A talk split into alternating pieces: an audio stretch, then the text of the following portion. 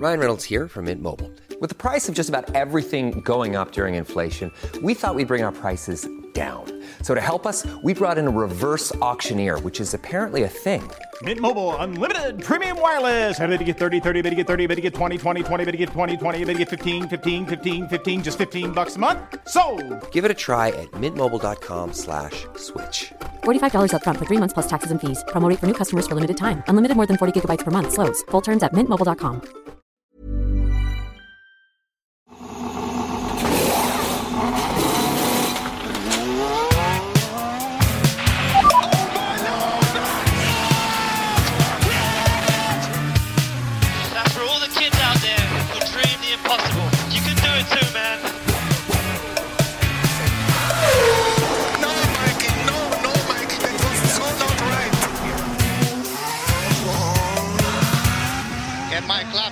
steering wheel. Steering wheel, claps and steering wheel here. Påsken är förbi och nu är det dags för ett nytt avsnitt av Plattan i mattan inför San Marinos Grand Prix som det heter förut. Nu heter det ju Emiliano Romano, va? Anna Andersson, hallå? Hej, det där är så långt namn så jag tänker inte ens ge mig på att säga det. Jag brukar säga typ San Marino, fast det inte är det längre. Men det känns ändå som det är det. Och det är på eh, Ferraris hemmabana. Så det känns ju som Ja. ett andra Italiens GP. Namnet är så sjukt långt. Jag förstår inte vad det är för marknadsförare som har kommit på det där. Så här står det på F1s hemsida, jag sa det i förra avsnittet också. Formula 1 Rolex Grand Premio del Made in Italy e del Emilia Romagna 2022. Alltså din italienska lämnar nog en del övrigt att önska, fast jag inte kan italienska. Men sjukt långt är det. Tack! Den är väldigt, uttalet har jag slipat på väldigt länge och är extremt nöjd med. Eh, det är racevecka igen. Fan vad kul! Det har varit påsk. Eh, vi har fått eh, ja, käka lite ägg mitt i kaos och upplopp överallt i Sverige. Men du lämnade landet, Anna, och gjorde annat under påskhelgen. Ja, jag har varit i Danmark med mina handbollstjejer, sovit på luftmadrass, spelat en massa matcher och eh, ätit eh, mackor. Oj, oj, oj. Vilket, vilket påskfirande! Ja, alltså tjejerna var helt fantastiska, men jag har ju ont i hela kroppen kan jag säga. Luftmadrass är inte att eh, föredra. Ja, det är ju de som har hängt med dig i, i, genom åren och nu kanske ni som har hängt med i, i podden här har ju märkt att det har hintats om att det finns en hel del handboll i eh, Anna Andersson. Kan du berätta lite din handbollsbakgrund egentligen? Jag tror att det är intressant att veta. Va? Ska jag berätta min handbollsbakgrund? Herre Nej, men jösses! din, din handbollskoppling, det är ju väldigt mycket handboll och väldigt mycket motor. Motor förstår man ju eftersom att du jobbar med det och följer det. Men handbollen har ju en naturlig förklaring också, eller? Eh, handbollen har en naturlig förklaring. Jag är född och uppvuxen i Nacka utanför Stockholm. Eh, där är man, spelar man handboll i Skuru IK om man är tjej. Och det har ju naturligtvis jag också gjort och hela familjen gjort. Så att eh, hela min eh, uppväxt tillbringades på en handbollsplan i stort sett. Eh, sen så har jag jobbat med handboll under många år. Och sen är min älskade make också handbollsspelare faktiskt. Så vi har två barn som också spelar handboll och numera bor jag i Ystad och där är det också handboll som gäller. Så att vid sidan av motorsporten då så får jag ägna mig åt handboll och luftmadrasser. Och handbollen tog dig till Tyskland en sväng också där motorn är hjärtat av Precis. sporten. Ja, min man Mattias han spelade i Bundesliga i 17 år. Så att eh, då bodde vi i Tyskland och då vart det ännu mer motor. Och tack vare allt detta fick du ligga och sova på en luftmadrass i skolmatsalar och klassrum i Danmark den här helgen alltså. Precis, precis fick jag det. Men vad gör man inte? Va? Vi ska inte snacka handboll den här podden, även fast handboll, det är ju det är bra grejer va? Men eh, som sagt, det är Race Week, Race Week och vi ska ju såklart snacka om allting inför racet i San Marino på Imola. Innan vi går igenom vad som har hänt på eh, senaste veckan sedan eh, Melbournes Grand Prix så vill jag säga så här till er som lyssnar. Fortsätt lyssna på den här podden och fortsätt klicka er in på F1 Nyheter på Sportbladet. För i den här podden så kommer det snart komma en mycket spännande tävling där vi alltså kommer tävla ut otroliga priser framöver. Och jag har fått tillåtelse att säga att det kommer tävlas ut en resa för två personer till Monacos Grand Prix. Jag trodde vi skulle få den. Ja, det hoppades jag på väldigt, väldigt, väldigt mycket. Men nu är det så här att 29 maj så kommer alltså en lyssnare som eh, är med och tävlar. Det kommer vara ett litet upplägg, men det ska vi gå in på när det väl är dags. Men fortsätt lyssna på den här podden så har du möjligheten att vinna biljetter till Monacos Grand Prix. Det är ett eh, legendariskt Grand Prix och väldigt eh, anrikt sådant. Och det finns ju mycket annat att göra nere i eh, Mo Monaco och Monte Carlo. Va? Så eh, pass på skulle jag vilja säga. Ja, det är dumt att missa chansen. Och vem vet, kanske kommer det fler tävlingar, men det är här vi börjar i alla fall. Schysst ställe att börja på måste jag ändå säga. Oj, oj, oj. Har du varit i Monaco? Jag har varit där ett par gånger på andra, andra diverse resor. Mycket min, min barndom på grund av en faster som hade en lägenhet i, eh, utanför Cannes och sen 2016 var jag på fotbolls-EM där nere och röjde runt på Rivieran. Mm. Jag har faktiskt också varit i Monaco. En gång, två gånger, någonting sånt där. Jag har inte varit, inte varit på F1-racet där än faktiskt, för det varit så vansinnigt struligt att ta sig dit.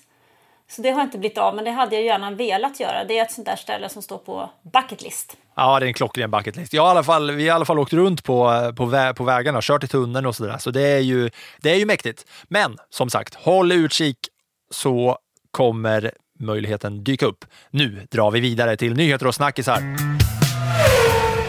Och det som hände ganska direkt efter Melbournes GP var att det dök upp kritik mot eh, säkerhetsbilen som den här gången var av modellen Aston Martin. Det var första gången i år som Aston Martin fick chansen att köra den där säkerhetsbilen. Så att det var väl ganska typiskt då att eh, bilen som är en sköldpadda på banan kallades för en sköldpadda även som säkerhetsbil. Ja, sköldpadd. Nu fattar jag då. Sköldpadda för att den är grön. Det tänkte jag inte ens på. Jag tänkte bara på att man ska förknippa sköldpaddor med att de går långsamt. Men det var väl en kombo av de två ju. Den är ju grön också. Vad smart och lurig han är, Max Verstappen. För det var ju han som klagade på eh, säkerhetsbilens fart, va? Ja, det var, men det var inte bara han som blev irriterad för att eh, säkerhetsbilen körde ju förhållandevis långsamt eh, i det här läget när det var två stycken eh, smällar på en gång och förarna var ju ute på hårda däck och hade ju enorma problem att värma de där däcken. Eh, så det var ju det som skapade den här stora irritationen. Och även eh, Charles Leclerc påpekade ju faktiskt att det gick långsamt. Men det som var lite intressant var ju faktiskt att han sa så här att jag tänkte gnälla över radion, men jag gjorde inte det för jag såg hur säkerhetsbilen bara gled i kurvorna. Jag tror faktiskt inte att den hade kunnat köra snabbare än så och då vill jag inte pressa dem ännu mer. Nej, för det som är, det som är intressant med den här säkerhetsbilen, jag ska säga att vi kommer ha vår lilla F1-skola senare i avsnittet. Där kommer säkerhets, eh, säkerhetsbilen tas upp igen. Men de där kör ju inte i 30 kilometer i timmen va? som det man kan tro att de gör när man har, kollar på tv. Det är flera på redaktionen som har frågat mig också om just säkerhetsbilen. Att hur snabbt kör den där egentligen? Och alla blir liksom chockade när jag säger att man pressar den där bilen till max. Man gör ju det, men eh, Verstappen var ju i det här fallet lite irriterad över att eh, de låg och körde i runt 140.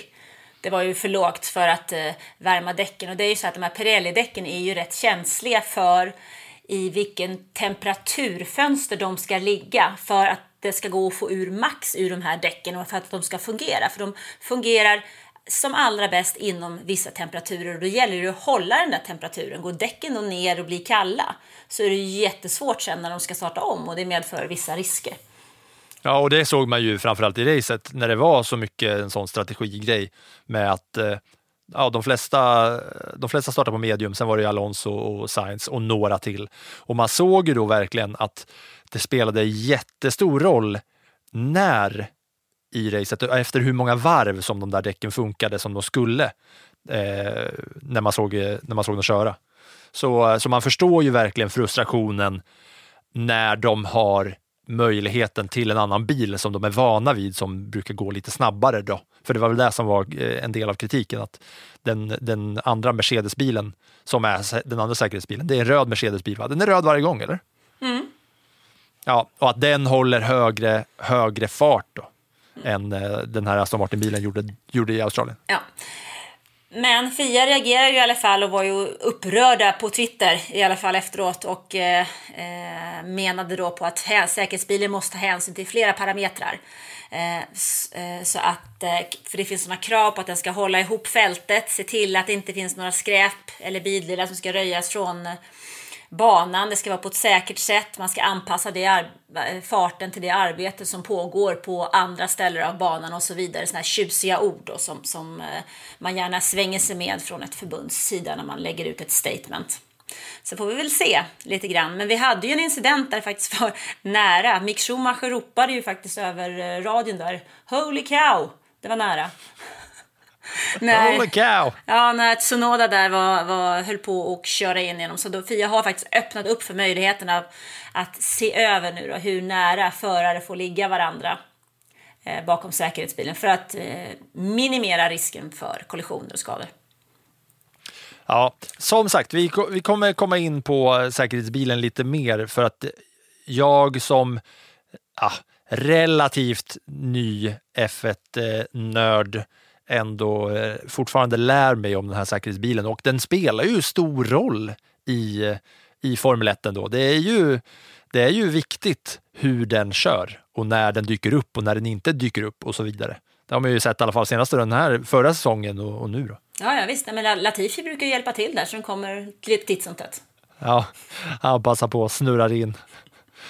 Eh, ja, mer då. Det, det har eh, snackats om Volkswagen i samband med F1. Men du får ju, ju... tänk på uttalet här va? Ja, förlåt. Jag är bara bra på, itali jag, jag är bara bra på italienskt uttal. Det här är ju tyskt. Det får ju du ta. Ja, Volkswagen. Ah, det är Volkswagen. Volkswagen, alltså folkets ja. bil. Ser du. Mm. Ja, folk, folkets bil. Va? Och ja. det är ju något som man kanske inte är van att höra när man snackar F1. Va? Men nu har det varit aktuellt. Ja, det är det ju. Det har ju pratats under en längre tid då, då, om att den här tyska motortillverkaren är ju faktiskt då Volkswagen, eller VW som man säger i Tyskland eh, vill, tillbaka, vill till F1. Och, Frau V. Frau V. Nej, inte Frau V. Fru V. Nej, Fau. Du vet, Aha, vet, nej, men vet i Tyskland. Ett V, ja. v så här i Tyskland, det uttalas ja. ju Fau, inte V. V är ett ah. W. Och de här... Ja, därför de heter Hauersfau, HSV i tyska ligan. Som, där känner jag igen. ja, precis. Och då Tack. ser du ju W är ju ett V och det andra är ju det, i Tyskland säger man fågelfau, det vill säga att de uttalar ju fågel, en sån där som Pippi som flyger omkring va. Ja, det heter ju fågel på tyska också, men det stavas ju V-O-G-E-L. Danke. Bitte. Ja, det blir ju i ett F1-skola. Det är ju tysk eh, skola här. Rätt, rätt in i skolbänken. Rätt in i tyskutbildning kör vi. Nej, men VW har, har nu satt in siktet då på eh, 2026. Men det är inte VW som vill in, utan man funderar på att, eh, för att i den här koncernen ingår nämligen Porsche och Audi. Och det är de som nu har fått möjlighet av styrelsen att undersöka för hur man skulle kunna ta sig in till det nya motorreglementet 2026. Och eh, det har vi pratat om innan, att eh, F1-bossarna har ju sagt att det är många team som vill in. Det är fler än två, men färre än åtta, var ju det berömda citatet. Ja, precis. Ja, men det som kan bli lite intressant här är ju till exempel då, jag tänker på team som Alfa Romeo, egentligen Sauber, som för eh, i början av 2000-talet hette BMW Sauber. Kan det vara ett team som kanske Audi är intresserade av att göra till någonting mer till än just Alfa Romeo och Audi? Kan det vara så att Audi vill ta över det som en gång eh, BMW hade? De var ju rätt framgångsrika där faktiskt under sitt ja, samarbete. Jag är jävligt nyfiken på hur det då går till med, med, med folk som är i depån och anställda och de som Alltså, man ska ju ett, man ska ju värva förare, men man ska också värva in de här då som, som jobbar i, i verkstäderna och i depåerna. Om det kan vara lika så här, om det kan vara lika intressant där kring att värva den bästa däckbytaren och sådana grejer ifall det är sådana transferövergångar som även pågår i, i depån och i stallen där bakom. Det tycker jag är, är lite kul. Ja men absolut, man, man kan väl säga så här att eh, om, om nu Audi skulle gå in och köpa upp Sauber så har man ju allting som man behöver. För, för Sauber, eller Alfa Romeo som de heter nu, har ju fantastiska faciliteter i Schweiz. Så då får du ju det, eh, det som de har och deras folk och så vidare. Men det är ju självklart vi har ju diskuterat det att Mercedes exempelvis har tappat en massa viktiga människor till Red Bull. Det finns transferövergångar där än. Det är klart som sjutton att man vill ha den bästa, bästa mekan. Så är det ju alltid. Bästa meckarna, bästa teamcheferna, bästa däckbytarna. Mm. Bästa rubbet. Bästa, bästa ja, rubbet. Bäst, bästa rubbet. Bästa assistenterna och så vidare. Men eh, tror du att, eh, men så då om Volkswagen ska in då så kommer det inte vara Volkswagen utan då kommer det vara alltså något annat? Ja, det pratas ju då om att Porsche är intresserad av att jobba med Red Bull. Red Bull Porsche och Alfa Tauri Porsche då, som motortillverkare. Det är det vi pratar om i första hand. Och då ska Red Bull dumpa Honda, eller? Ja, men det har de ju egentligen redan gjort. Eh, Honda och Red Bull slutade ju sitt samarbete efter förra säsongen. Eh, och så tog motorerna över av det som heter Red Bull Powertrain. Men Honda tyckte ju att nu gick det ju så bra så de kunde tänka sig att ja, fixa till det här under den tid som återstår nu då, fram till det nya reglementet. Om jag förstod det hela rätt. Eh, så, mm. så kommer de liksom att finnas med i bakgrunden. Fast motorn heter ju inte Honda längre.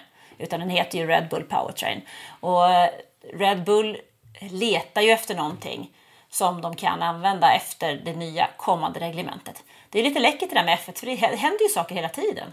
Nya regler och nya grejer och nya in och ja.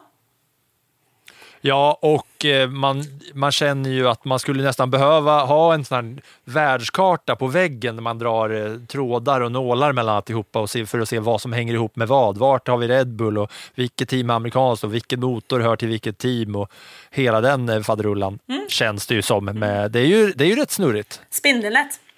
Ja, verkligen. Eh, kul för tyskarna va? Men det tycker jag väl att det är, för i Tyskland eh, lever ju fortfarande på lite gamla meriter. Alltså det är ju så här att även om Mercedes nu är en tysk bilfirma så känns det ju eh, numera eftersom man har fabrik i Brackley i England, två brittiska förare, så känns det som att det är mer ett engelskt team än ett tyskt team egentligen. Eh, om man jämför med hur det var när teamet kom tillbaka till F1. Eh, och många tyskar är ju fortfarande Ferrari-fans. Ja, mycket tack vare Schumacher på, eh, när det begav sig. Precis. Ja, det blir spännande att följa det där. 2020, 2024, 2026, vad sa du? 2026.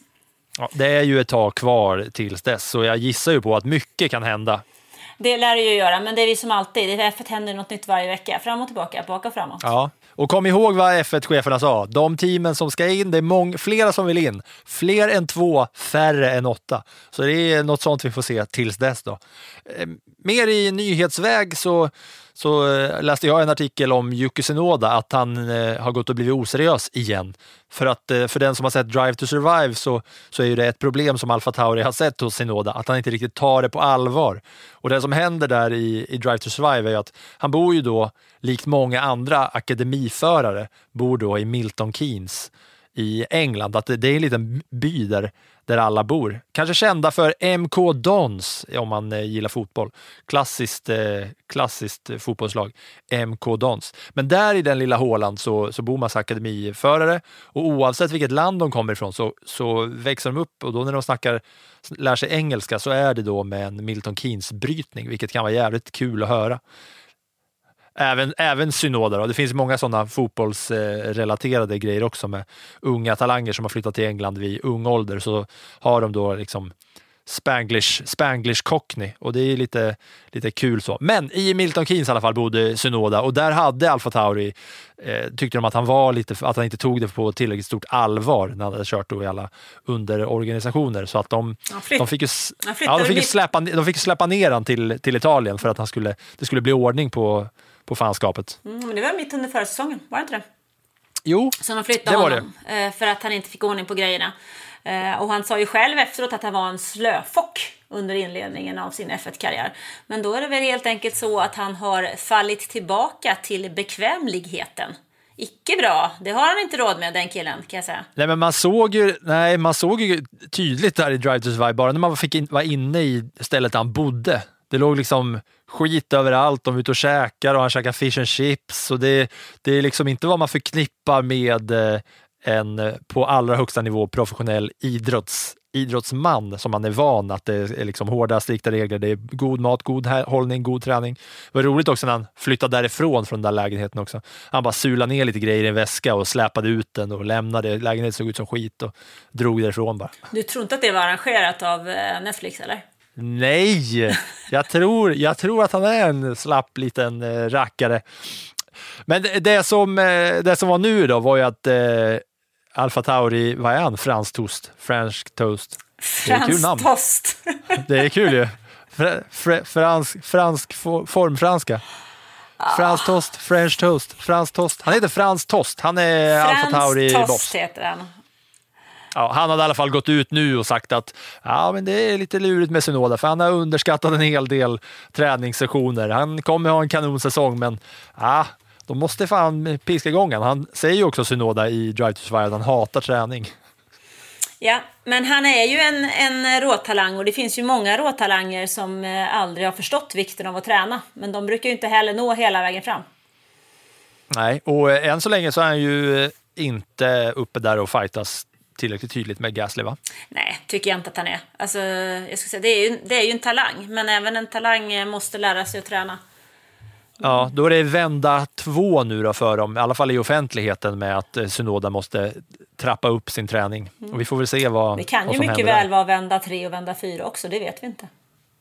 Nej, troligtvis så är det väl så att de, de har lite att slita med om de väljer att gå ut så här public med det. Och eh, till sist då, vad som har hänt sen sist. Eh, Det snackas uppdateringar i alla teams kring eh, vad som ska ske nu här inför Imola och då har Ferrari sagt att ja, vi gör ingenting. Nej, eh, Mattia Binotto var väldigt tydlig med att vi gör ingenting, eller gör ingenting. Ska jag inte säga att de kommer fort, fort, fortsätta att jobba mot eh, porpoising, det här ho rejäla hoppandet. Men Porpoising. Porpoising. Stanna där. Ja. Stopp. Stopp. Vad fan heter det på svenska? Porpoising. För att man har ju sett det överallt. Ska- vi förklara på något sätt? Det är ju det här med luftflödet som gör att bilen studsar fram, som vi har pratat om så mycket. Och man har sett någon, eh, ja, jag vet inte om det är någon F1-journalist från Storbritannien eller något som har visat det väldigt klart och tydligt, men han har lagt en sked på en penna och blåst med något, med något luftblås för att visa exakt hur det där funkar. Men det är alltså porpoising. Vad, he- vad, vad, hur översätter man det? alltså, vi, har ju tam- vi har ju pratat om tumlare. Alltså som en tumlare, alltså inte en torktumlare utan snarare en, den hoppar i och för sig den också, men, men eh, mer som en... Eh, här Vadå tumlare, späckhuggare? Ja, men den fisken. Eller vad man nu kan kalla det för. Den lilla Killer delfinen. whale. Den Ja. delfinen, den tumlardelfinen. Den hoppar ju över vattnet. Den eh, liksom ligger ju på ytan när den sum- simmar och skakar så här liksom. Här blottar vi våra djurkunskaper. Ja, och jag har ändå sett allt med David Attenborough. har Jag är svagt har du inte sett en tumlare? Ja, men det har jag ju, men alltså jag kopplar ju, jag kopplar ju tumlare till späckhuggare och sån eh, större liksom delfin, mindre val. Ja, kanske det. Det borde man ju eh, kolla upp, men det gör vi inte för, eh, för transparensens skull. Tumlare, ja men vadå, purpoising, hur, hur ska man säga det? Purpoising? Det är att bilen studsar på grund av hur luftflödet kommer emot bilen. Ja, precis. Och det där är ju ett problem. Och de som har haft stö- allra störst problem är ju Mercedes. Där har vi sett hur, hur eh, Hamiltons gula hjälm liksom bara studsar som om den åkte runt i en tvättmaskin ungefär. Ehm, Tumlare. en, en tumlare med centrifug. Eh, och eh, Ferrari har ju haft liknande problem, men där har ju inte, inte påverkat prestandan på samma sätt. Och det här är ju någonting som de behöver jobba med. Så de väljer alltså inför, det här, inför den här helgen på Imola, för det är ju så att detta är ju ingen vanlig racehelg, utan det är en sprinthelg. Och det får ju enorma konsekvenser, inte bara för att det står betydligt fler poäng på spel, utan det är också betydligt mindre tid att lägga på banan. Och det gör ju att Ferrari i det här fallet väljer att fokusera på att ta bort det här hoppandet, som du kallar för kängurubränsle förra veckan. Eh, istället då för att komma med nya delar till bilen. Red Bull å andra sidan har ju pratat om att de håller på med en evolution av sin bil. Och Alpin pratar om att de ska plocka bort fyra kilo på golvet till den här helgen. Men Ferrari som leder VM känner lugnet och, nu kommer mitt tråkiga ord här igen, Tillförlitligheten! Ja, visst! Mattia Binotto han, bekräftar mig där när han säger att tillförlitligheten är en del av prestandan. Fy fan vad du gillar det här. Ja, det är så fantastiskt va? va? Han säger att för att komma etta så måste du ta dig i mål och därför är tillfällighet, tillförlitligheten en nyckel. Som, och som team ser vi det som vår högsta prioritet. Ja, och eh, med all rätt så leder de hela skiten då. Ja, men precis. Nej, men det är ju faktiskt så. Vi har ju sagt det förut. Du måste ju ta bilen i mål för att kunna vinna. Ja, Det kan- och det har de ju gjort rätt så bra hittills, förutom då när Science klantar bort sig i Melbourne. Men eh, då, då kör de vidare på den inslagna biten då och, och tror att det ska räcka. På den inslagna bilen menar du? Ja, inslagna bilen, ja, givetvis. Eh, vi ska snart gå över till Imola och snacka upplägget och berätta mer om hur sprinten och allt eh, funkar. Men det blir ju då, i vanliga fall så, så vet man ju exakt vad man förbereder bilen på när man gör uppgraderingar och finslipar på detaljer och sådär mellan, mellan racen. Men nu är det ju alltså då två träningar, ett sprintrace och ett race. I vanliga fall så vet man ju att man ska bara fixa bilen för att det är ett race på ja, 50 till 70 varv eller vad det är nu är. Ja, här är det ju så att, eh, ska vi ta det då? Upplägget för helgen när vi ändå håller på. Ja, vi, vi dammar vidare. Vi kör rätt eh, igenom det här och så kör vi vidare till Imola. Finding your perfect home was hard, but thanks to Burrow, furnishing it has never been easier. Burrow's easy to assemble modular sofas and sectionals are made from premium, durable materials, including stain and scratch resistant fabrics. So they're not just comfortable and stylish, they're built to last. Plus, every single Burrow order ships free right to your door. Right now, get 15% off your first order at burrow.com slash ACAST. That's 15% off at burrow.com slash ACAST.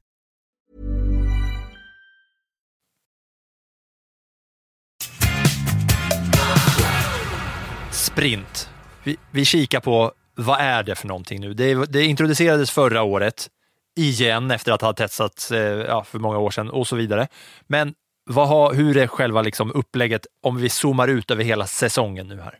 Jo, i år så har vi, precis som i fjol, tre sprinthelger. I fjol var de på, i Storbritannien, i Italien på Monza och i Brasilien. I år sker första sprinten under tävlingshelgen på Imola den här helgen. Andra i Österrike på Red Bull Ring och tredje i Brasilien igen. Så Brasilien är det enda stället där vi får det två gånger i rad.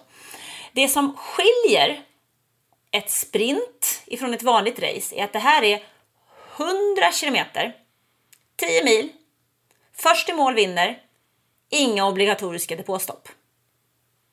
Så då är det på med soft och full fart framåt. Det, ska, det är det som är tanken med det hela. Full fart framåt. Det ska vara en rolig helg där läktarna ska vara fyllda från fredag, lördag, söndag. Det ska hända någonting varje dag. Och därför Ja. har man också lagt upp det något annorlunda. Det ska liksom blixtra till i den här vanliga F1-lunken.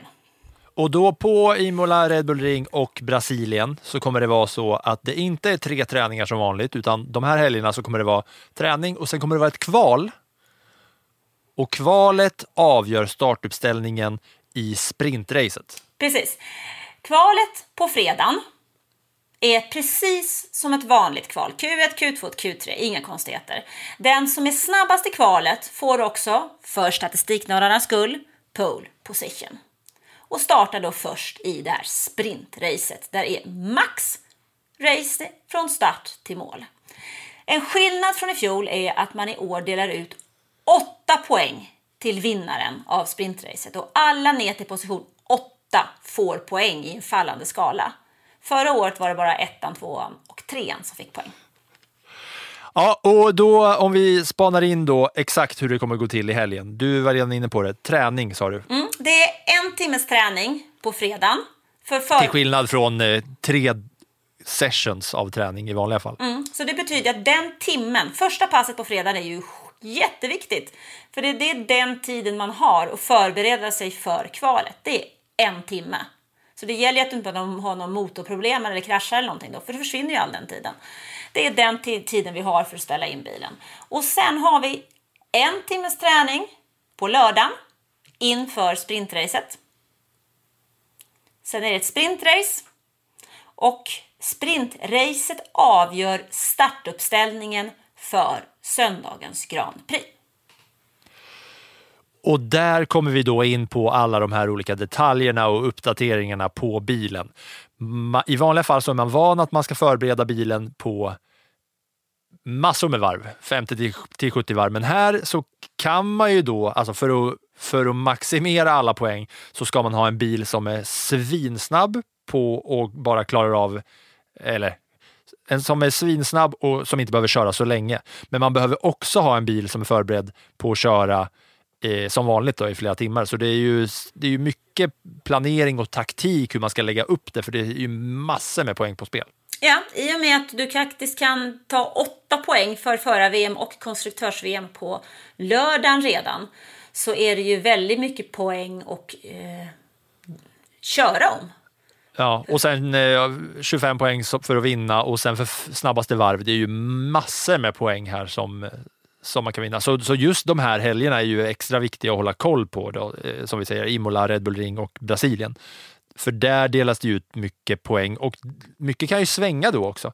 Det vill säga att har man en bil som, som eh, som är snabb under kort tid, där man inte behöver tänka så jättemycket på din kära tillförlitlighet, så kan ju det, då avgör ju det hur man startar under, under riktiga racet och då kan man ju, kan man ju påverka med taktikkörning och eh, allt det där. Så det är väldigt, eh, väldigt eh, intressant, mycket att hålla koll på. Ja, mycket att hålla koll. Det kommer bli superspännande. Jag tycker ju att alla sprintracerna förra året var väldigt intressanta och vi hade ju superbataljer mellan Hamilton och Verstappen vid de tillfällena. Ja, och så eh, monsterkörning också av eh, Hamilton i Brasilien där han körde upp sig genom hela alltihopa. Ja, han fick bestraffning och körde upp sig och fick bestraffning och körde upp sig och, och la ju grunden för den fantastiska avslutning vi fick på den säsongen. Ja, det där var ju eh, performance of the season, tycker jag, förra året när Hamilton körde i, i Brasilien. Mer om banan Imola. Det har ju hetat olika saker, det har vi ju pratat om. Det har hetat San Marinos GP, det har hetat Italiens GP, men nu är det alltså Imola-banan som man pratar om, eller? Ja, jag, Ja. jag orkar inte säga det där långa namnet. Alltså banan i sig heter ju Autodromo Internazionale Enzo di eh, Dino Ferrari. Eller Autodromo Internazionale Enzo Edino Ferrari. Med perfekt italienskt uttal. Ja, precis. Det är tur att du tog den. Tack. Eh, och det namnet fick den faktiskt 1988, men själva banan började byggas 1950 och första racingloppet kördes där 1953. Och det kördes eh, 27 tävlingshelger faktiskt fram till och med 2006 på den här banan under namnet Marinos, San Marinos Grand Prix. Ja, och i och med då att det bara har körts två år i nuvarande form så har vi bara haft de två senaste vinnarna av det här racet då, som det ser ut här på Imola så är det ju Lewis Hamilton vann 2020 och Max Verstappen vann 2021. Men innan dess så var det många år som det, var, som det inte kördes där. Och då, gången innan som det kördes var alltså 2006. Och då vann Michael Schumacher. Just det, ja. Och eh, om man kollar då tillbaka, 2021 vann Verstappen, 2020 Hamilton, 2006 Mikael Schumacher, 2005 Fernando Alonso i en Renault och sen var det 2004 till 20, 99 så var det en tysk vid namn Schumacher som vann. Ett år var det Ralf som vann i eh, här då, där det hette San Marinos GP. Det var 2001 Ralf Schumacher eh, vann. Kan vi få mick då på, högst upp på pallen i år tror du? Ja, det hade ju varit otroligt va? Då är det ju hela gänget. Det är väl bara Rolf som saknas då kanske? Nej, men nu glömde du en faktiskt. Vem glömde jag? David Schumacher. Han kör ju det. David. Det är Ralfs son. Han kör faktiskt DTM i år. Ja, just det. Han fick inte ihop budget för Formel 2. Ja, det är en lite mer misslyckade Schumachern där, Ralf. Son, han själv var lite sämre än brorsan och sonen är lite sämre än brorsans son. Schumacherna. Ja, får man säga. Jag tycker väl ändå alltså att eh, Ralf Schumacher har vi sett på prispallen tillsammans med Michael Schumacher. Så så illa Ja. var det faktiskt inte. Nej, verkligen inte.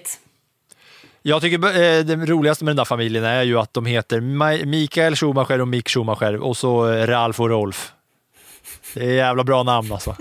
Mikael, Mick och Ralf och Rolf. Du glömmer ju hela tiden David. Ja, men han, han får kämpa lite till innan han får, eh, får plats här på riktigt. Den här är ju en av de banorna som har fått mest svarta rubriker. För när jag tänker på Imola så tänker jag på den svarta helgen 1994. Ja, det är ju en extremt mörk historia och jag har ju haft koll på att det var där som det var dödskraschen för eh, brassen Ayrton Senna som var 94. Eh, jättebra och fin dokumentär som heter Senna bara som man kan se. Så får man även se det i eh, Schumacher-dokumentären att det är ju en sån riktig milstolpe i, i F1-historien just den här, den här helgen 94. Mm, Det är en väckarklocka kan man säga. Den helgen lägger grunden till en stor del av det säkerhetsarbetet som har pågått inom sporten sedan dess och som vi faktiskt eh, kan vara så otroligt glada över. Eh, och det har ju också gjort att vi sedan dess egentligen bara har tappat en förare sedan 1994. Och det är ju eh, Jules Bianchi och han som omkom efter eh, loppet i Japan. Men det är ju faktiskt ingen annan som har omkommit under någon F1-helg. Nej, men det som, det som jag tyckte var så intressant när jag har läst på om det här, för att den här Senna-kraschen, den är ju, alltså det är ju en milstolpe i, inte bara i motorsportens historia, utan det är ju även idrottshistoria. Det känner ju, många känner ju till det, även om man inte är eh, motorintresserad så är ju det här en jättestor händelse i, i idrottshistorien i stort. Eh, och man vet om att det var en av de bästa förarna någonsin som, som omkom i en krasch där. Men men det som chockade mig totalt nu när jag har läst mig in på det mer är ju att det var ju inte bara Senna som omkom där. Det var ju även en dödskrasch dagen innan. Mm, Alltså helgen började ju med en våldsam krasch redan under fredagen, fredagen den 29 april. Rubens Barrichello, han körde då i Jordan och var med om en fruktansvärd olycka. Eh, och han överlevde den kraschen, mirakulöst nog. Sen på lördagen, dagen efter, så tappade rookien Roland, Ratzenberg kontrollen över sin Simtech Och han kraschade. Hans liv gick inte att rädda. På söndagen, den 1 maj, så startade då Ayrton Senna från pole position, hans 65 pole. Och efter eh, nästan 13 sekunder in på sjunde varvet så kraschade han in i barriären. Han hade en hastighet på runt 200 kilometer.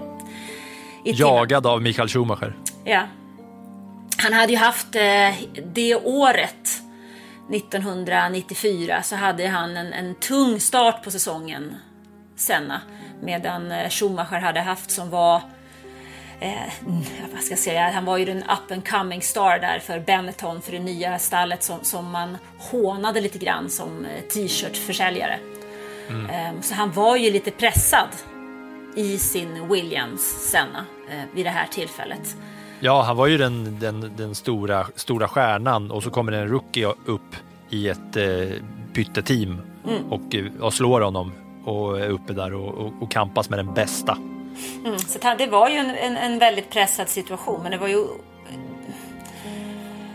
Jag får alltså, jag mår nästan dåligt när jag pratar om det. Jag kommer ihåg det där, även om jag på då 1994 så jobbade jag faktiskt inte på Aftonbladet, jag gick i skolan.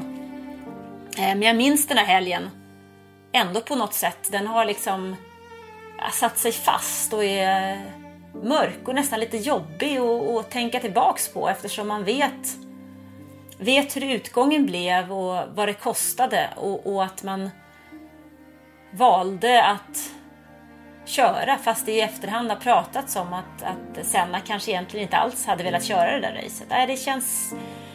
Nej, och racet liksom fortgick och kördes vidare fast man visste liksom Ja, nej, det, var, det, det, blev, det blev röd flagg och, och bilarna, de andra förarna togs av banan och så fick man veta att eh, ja, men han, han var i koma men man vet inte så mycket mer så vi ska köra racet och alla tänkte att ja, men det kommer bli bra. Det, det här eh, info jag, som man har fått i Schumacher-dokumentären när han berättar Ja, men och sen var det om också, hur det var då. Ja, sen var det också det här att man såg ju det där loppet live på TV.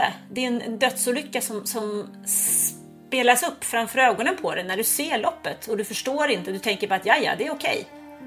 Och det är ju fruktansvärt. När man tänker på det.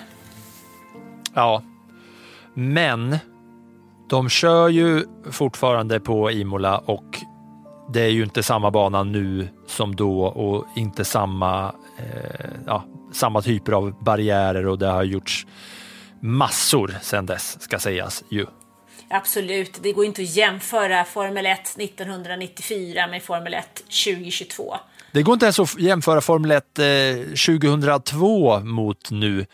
När jag har nu kollat på sådana här klassiska bilder från Schumacher-dokumentären. Eh, jag, den- jag tar upp den bara för att det är det senaste liksom, historiska dokumentet jag har gått igenom. Men då var det ju liksom, då sprang ju alla säkerhetsfolk, de kutade ut på banan direkt bara. Alla sprang ut på banan även fast bilarna körde i full fart. Och samma sak när man viftar rutiga flaggan, då är det också någon som eh, står ute på banan och vevar den. Liksom. Mm. Ja, men titta bara på hur, hur, hur bilarna har förändrats med den här halon som vi har idag. Eh, som sitter runt för att skydda föraren.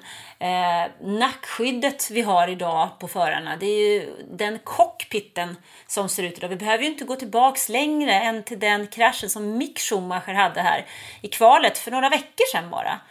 Det hade ju slutat på ett helt annat sätt om det hade varit för 20 år sedan. Och vi ska inte prata ens om Romain Grosjeans fruktansvärda kollision för eh, snart två år sedan.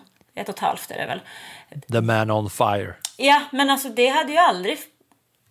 Det är ju helt galet liksom.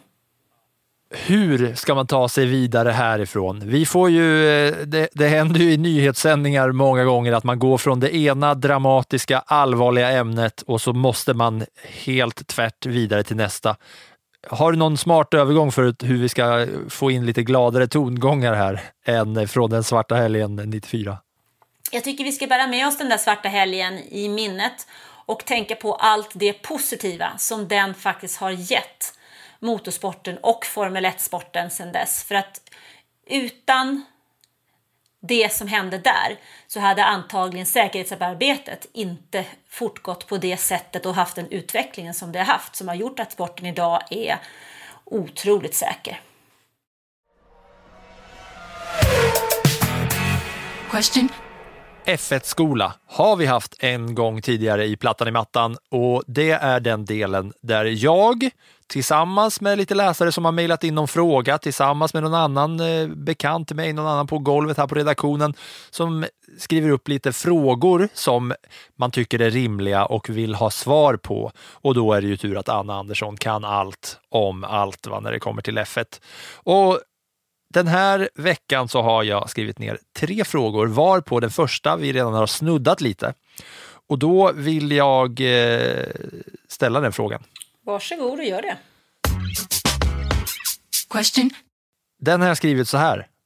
Säkerhetsbilen, fart, vem kör, regler, har den kraschat någon gång? Var det en fråga? Ja,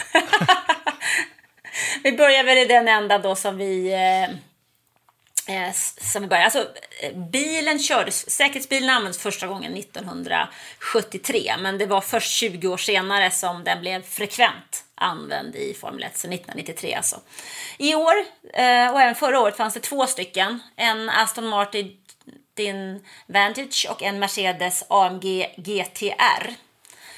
Eh, föraren heter Bernt Mylander. Han är tysk. Han har tidigare kört DTM och han har kört såna långlopp, 24 timmars lopp bland annat.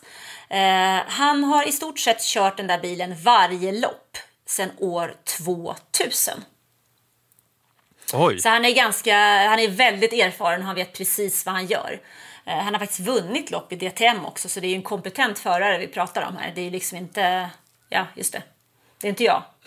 Nej, men och, och det ska sägas då att anledningen till att frågan tas upp är ju att när man bara har upplevt F1 framför tvn och har sett bilarna då i, i den farten och så ser man säkerhetsbilen komma ut så ser det ju ut för blotta ögat som att den där åker och bromsar upp och kör långsamt.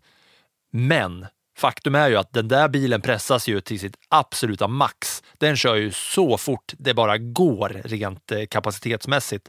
Både själva bilen och eh, eh, personen bakom ratten. Ja, alltså, den här Mercedesen som man har, då, den går ju från 0 till 100 eh, på typ 4,5 sekund. Och under rakerna så kan han köra i 250 km i timmen. Den går fort som 17. Men när man, när man, när man ser det på tv så, så kan man ju... Det är ju inte orimligt att tänka att den kör i 70. Ja, Liksom. men det gör den ju inte. Utan det, hastigheten varierar ju väldigt mycket på beroende på vilken bana det är och beroende på vilka förhållanden som råder. Eh, väder, vind och så vidare och vad det är för typ av olika. Och om man tittar på exempel Kanadas GP, som är ju en snabb bana i Montreal, så minskar man väl hastigheten med ungefär 60 procent någonstans där. Ja, och det, jag har ju sett också några så här eh, Youtube-videos där det är vanligt folk har fått åka med i den här säkerhetsbilen. Där folk bara sitter och vrålar och är livrädda för att det går så fort. Ja men det gör det. Alltså det, är en, eh, den, den går, det går undan. Eh, och vi ska ju också komma ihåg att, att Max Verstappen, när han nu kritiserade, så kritiserade han att den körde i 140 km i timmen. Alltså det är ju betydligt snabbare än vad du får köra på en svensk motorväg. Ny fråga. Question. Den är lite rörigt ställd även den. Men den eh, är, på temat flaggorna. För det finns massa flaggor. Det finns blå, det finns gul och det finns dubbelgul och det finns grön och röd. Vad betyder de här flaggorna egentligen? Eh, vi kan ju börja med de flaggorna som vi faktiskt eh, använder mest frekvent. Och framförallt så handlar det väl om gulflaggen. Och gulflaggen är ju när det är fara på banan eller i en viss sektion. Det kan ju vara sektor 1, sektor 2 eller sektor 3. Och det betyder ju att man ska sänka och anpassa hastigheten. Och man ska inte köra om på den delen av banan där det finns någon form av varning. Då, så att säga. Eh, och sen så kan det ju då betyda att det ska ut en SC och det betyder ju Safety Car. Det kan också vara VSC och det betyder virtuell säkerhetsbil. Och då handlar det om att förarna, det, det är någon form av, av eh, fara på banan så därför ska man ta det lugnare. Man får ju naturligtvis inte köra om när det är gul flagg och säkerhetsbil heller. Men när det kommer till de här sektorerna då? Eh, då är det så, låt säga att det är gul flagg i sektor 3. Då kör man på som vanligt i sektor 1, sektor 2 och sänker hastigheten i sektor 3. Precis. Och nu, nu för tiden får ju förarna veta på det här i, i radion och så, men jag kan tänka mig historiskt så... Men då var så, det flaggor. Då är det flaggorna som, som avgör. När man ser flaggorna, det är då man ska reagera. Precis. Och sen så kommer en grön flagg. Det betyder faran över. Dags att racea. Eh, Plattan i mattan. Ja, precis. och när det är dubbel gul flagg så betyder det också naturligtvis att det är fara på banan. Det kan vara att det är fun- funktionärer som arbetar på banan eller något annat som blockerar banan. Då, är det två gula flaggor. Alltså varning, varning. Ja, och det där fick man ju se förra året när Max Verstappen åkte på en eh, bestraffning för att han inte sänkte farten när det var dubbelgul, Mm, han såg inte det. Han tittade inte. påstår han. Ja, men så har det kanske hänt någon förare som inte har sett det gula ljuset heller mellan rött och grönt. Och då var det ju under ett kval, va? Som, eh, som det var dubbelgul och han pressade sig in i mål och fick en bra tid. Men då det är dubbelgul så måste man under alla omständigheter sänka farten immediately. Och då har man ju brutit mot reglerna. Ja, så dubbelgul betyder egentligen dubbelvarning. Passa dig, du får inte trycka plattan i mattan. Ja. Och så har vi röd flagg också. Ja, det betyder att då bryts ju loppet. Eh, Pang rätt in i depån. Yes. Är det blå flagg så är det en förare. Om man ser en blå flagg så ska man hålla undan för då är man på väg att bli varvad. Det är det man önskar då- att folk hade på autobahn, typ. Ja, och då vet, man, då vet man med sig att man är den som ska lystra till blå flaggen så att säga. Eh, Alltså...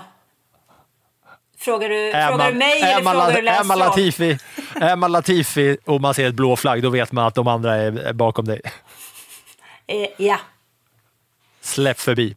mm, precis. Svart flagg, diskning. Gul och röd flagg, banan är hal. Jaha, så att det kommer två flaggor samtidigt? Gul och röd? Randig. Jaha, det kommer en flagga som är randig.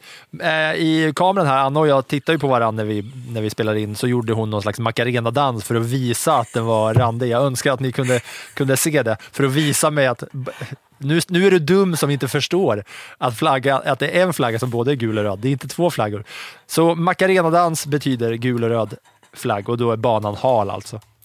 Precis. Ja, men eh, det känns som att det är klarhet va? Jag vill gå från klarhet till klarhet. Jag känner ju det verkligen. Alla förstår, alla förstår nu hur flaggorna funkar. Ska vi ta en fråga till eller? Ja, det kan vi göra. Question Den är också ställd med flera frågor i en och där har jag skrivit Hur går däckbyten till under flaggorna när vi ändå är där och nosar? Vad är tillåtet och vad är inte tillåtet? Du tänkte byta däck, under blåflaggen då? Ja, det, det hade varit lite lurigt. Nej, men det är, Men det är ju en sån grej som är, verkligen påverkar och kan avgöra race. Ja, om man går in i depån innan eh, gul flagg, om det kommer ut och så vidare. Ja, precis. Vi, vi tänker tillbaka lite grann kanske till Abu Dhabi. Där var det ju en enorm diskussion i fjolårets final om det här med olika typer av flaggor. Där var det ju så då att hade det varit röd flagg så hade alla bilar gått in i depå och du kan göra ett fritt däckbyte. Är det gul flagg så får ju den som anser sig behöva ett depåstopp gå in i depå och byta däck. Det vill säga man får byta däck. Ja. Men i det läget så var det ju så då att Lewis Hamilton hade banposition. Han låg först. Han ville inte riskera att tappa den genom att gå in i depå. Max Verstappen som låg tvåa hade ju möjlighet att ta den risken. Han hade ju allt att vinna på det och gick in i depå och bytte däck. Och där är det också lite så att har man otur i ett race så går man in i depå och strax efter blir det en gul flagg. Precis det som hände i Australien när Lewis Hamilton gick in och bytte däck och sen kom han ut och då blev det gul flagg. Russell går in, byter sina däck och då inte, han får liksom inte böta lika mycket tid. Då. Nej, han tjänar ju han tjänade på det och han tjänar ett stort antal placeringar och en pallplats på det bytet. Ja, det var veckans F1-skola. Vi ska dra en lapp till momentet som vi kallar i backspegeln och det är det momentet där Anna Andersson berättar en klassisk F1-historia tillsammans med lite mysig jazzmusik i bakgrunden som ni har fått hört två gånger när Anna har berättat historien om Nürburgring och om Mercedes storhetstid under hybrideran.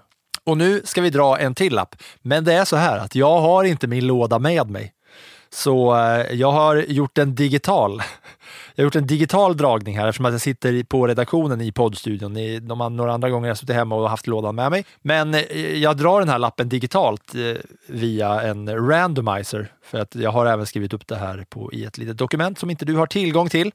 Och när den här randomizern nu väljer en siffra så har den landat på, Det är som chokladdjuret på Gröna Lund. ja men något sånt. Jag vinner aldrig. Ja, men här är det ändå lite vinst, för här står det Sir Frank Williams. Oh! Det är ju en eh, intressant man faktiskt, som tyvärr inte längre finns med oss.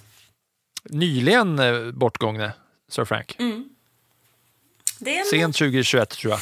Ja, under 2021. Det blir en, eh, en eh, spännande story att berätta nästa vecka. Och därför ska ni ju hänga med för att kunna få höra Anna berätta om det här. Och även så kommer vi nästa vecka ha mycket att snacka om då det har varit sprint på Imola och race och träning och kval och hela faderullan i all ordning, eller i all, eh, i all dess eh, fina racingprakt kan vi säga. Sen så eh, ska jag säga här innan vi avslutar att kom ihåg att det kommer bli ett tävlingsmoment i Plattan i mattan där vi kommer lotta ut biljetter till Monacos Grand Prix också. Så häng med oss och ställ dina frågor till oss på mail anna.c.andersson.aftonbladet.se eller filip.lindfors.aftonbladet.se eller på hashtaggen Plattan i mattan F1 på Twitter.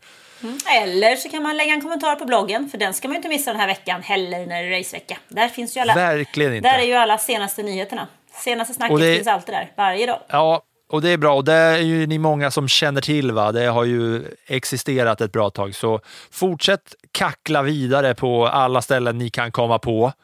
För nästa vecka så kommer vi haft ett race att snacka ner. Kul va? Definitivt. Jag ser redan Vad fram ser, du mest, vad ser du mest fram emot? Jag ser mest fram emot tror jag, att få se fighten mellan Verstappen och Leclerc även i en sprint. Jag tycker det ska bli lite kul att se. För jag tyckte att eh, sprintracen tillförde någonting under fjolåret och då hade vi fighten mellan eh, Verstappen och Hamilton. Och jag tror nog att eh, Verstappen kan vara riktigt het här på lördag. Mm. Du behöver inte köra sin bil eh, 70 varv som senast när den ger upp. Nej, precis. Han, han behöver ju inte bry sig om det där med tillfälligheten. Man ska bara köra 10 mil, så det är lugnt. Ja. Ja, då har han i alla fall åtta poäng som han kan eh, kämpa för om det är så att bilen inte orkar med i hela racet. Nej, men jag, jag håller med. Sp- Jag tycker sprint ska bli superkul. Och även kvalet blir ju, får ju också en annan betydelse. Det känns som att kvalet blir ännu viktigare för att sprinten eh, inte håller... Ja, det, är, är, det är så avgörande vart man startade. Det är ju inte så, under så lång tid som man behöver hålla på och göra massa overtakes och försvara sin position och så vidare. Nej, men precis. Jag menar, lek med tanken nu att Verstappen vinner sprinten, han vinner racet och han tar snabbaste varv. Då har han plötsligt plockat 34 poäng den här helgen. Och då har han ju klättrat rejält. Va? Mm, det, allt beror ju då på vad, Le, vad, på vad Leclerc gör. Ja. Nej, jag tycker att det ska bli svinkul och jag är taggad. Det börjar på fredag. På fredag drar vi igång, absolut. Och du kan ju räkna med att vi har en massa livebevakning också den här helgen. Det kommer bli kanon. Så häng med på livebevakaren på sportbladet.se. Häng med på sociala medier och häng med på genom att lyssna på Plattan i mattan när vi kommer ut nästa vecka på onsdag. Som vanligt, det är er tid för F1-podd. Vi tackar för den här veckan. Tack så mycket för att ni hängde med oss.